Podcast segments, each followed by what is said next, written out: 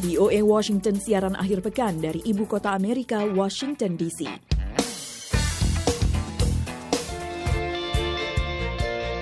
Selamat malam Indonesia, apa kabar? Senang sekali saya Utami Husin bisa kembali hadir untuk Anda. Malam ini Minggu 2 Agustus 2020. Inilah VOA Washington langsung dari Amerika Serikat. VOA mendekatkan Anda pada dunia.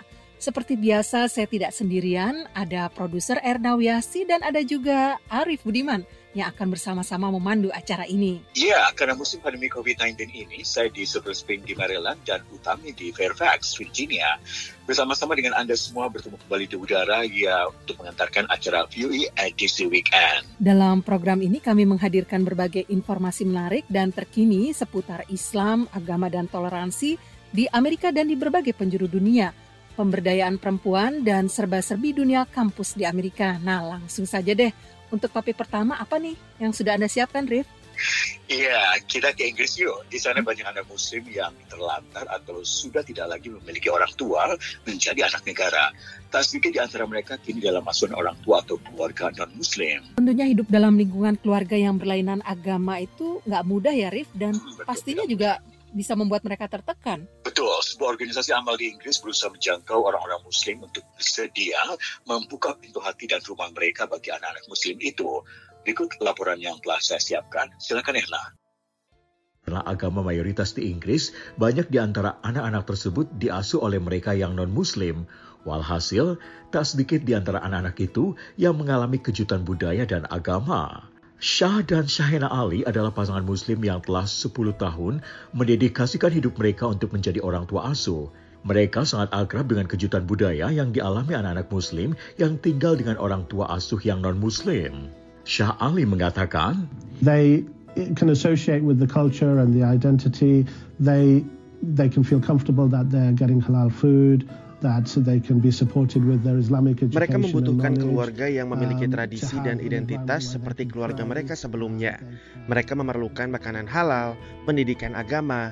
Mereka membutuhkan ruang dan tempat di mana mereka bisa mempraktikkan ajaran mereka. Mereka bisa sholat, mereka bisa berpuasa pada bulan Ramadan. Menurut Syahena Ali, situasi rumah yang sangat berbeda menyulitkan anak-anak Muslim beradaptasi. Issues like they're having the halal food, having um, an alcohol-free house because mereka ingin makanan halal. Mereka ingin rumah yang bebas minuman beralkohol.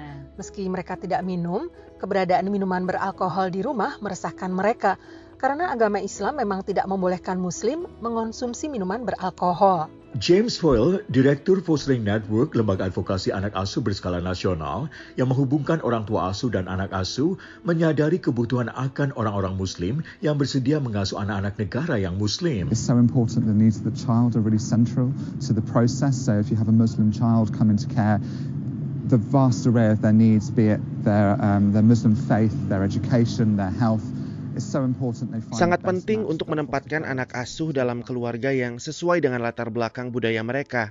Kami menyadari itu.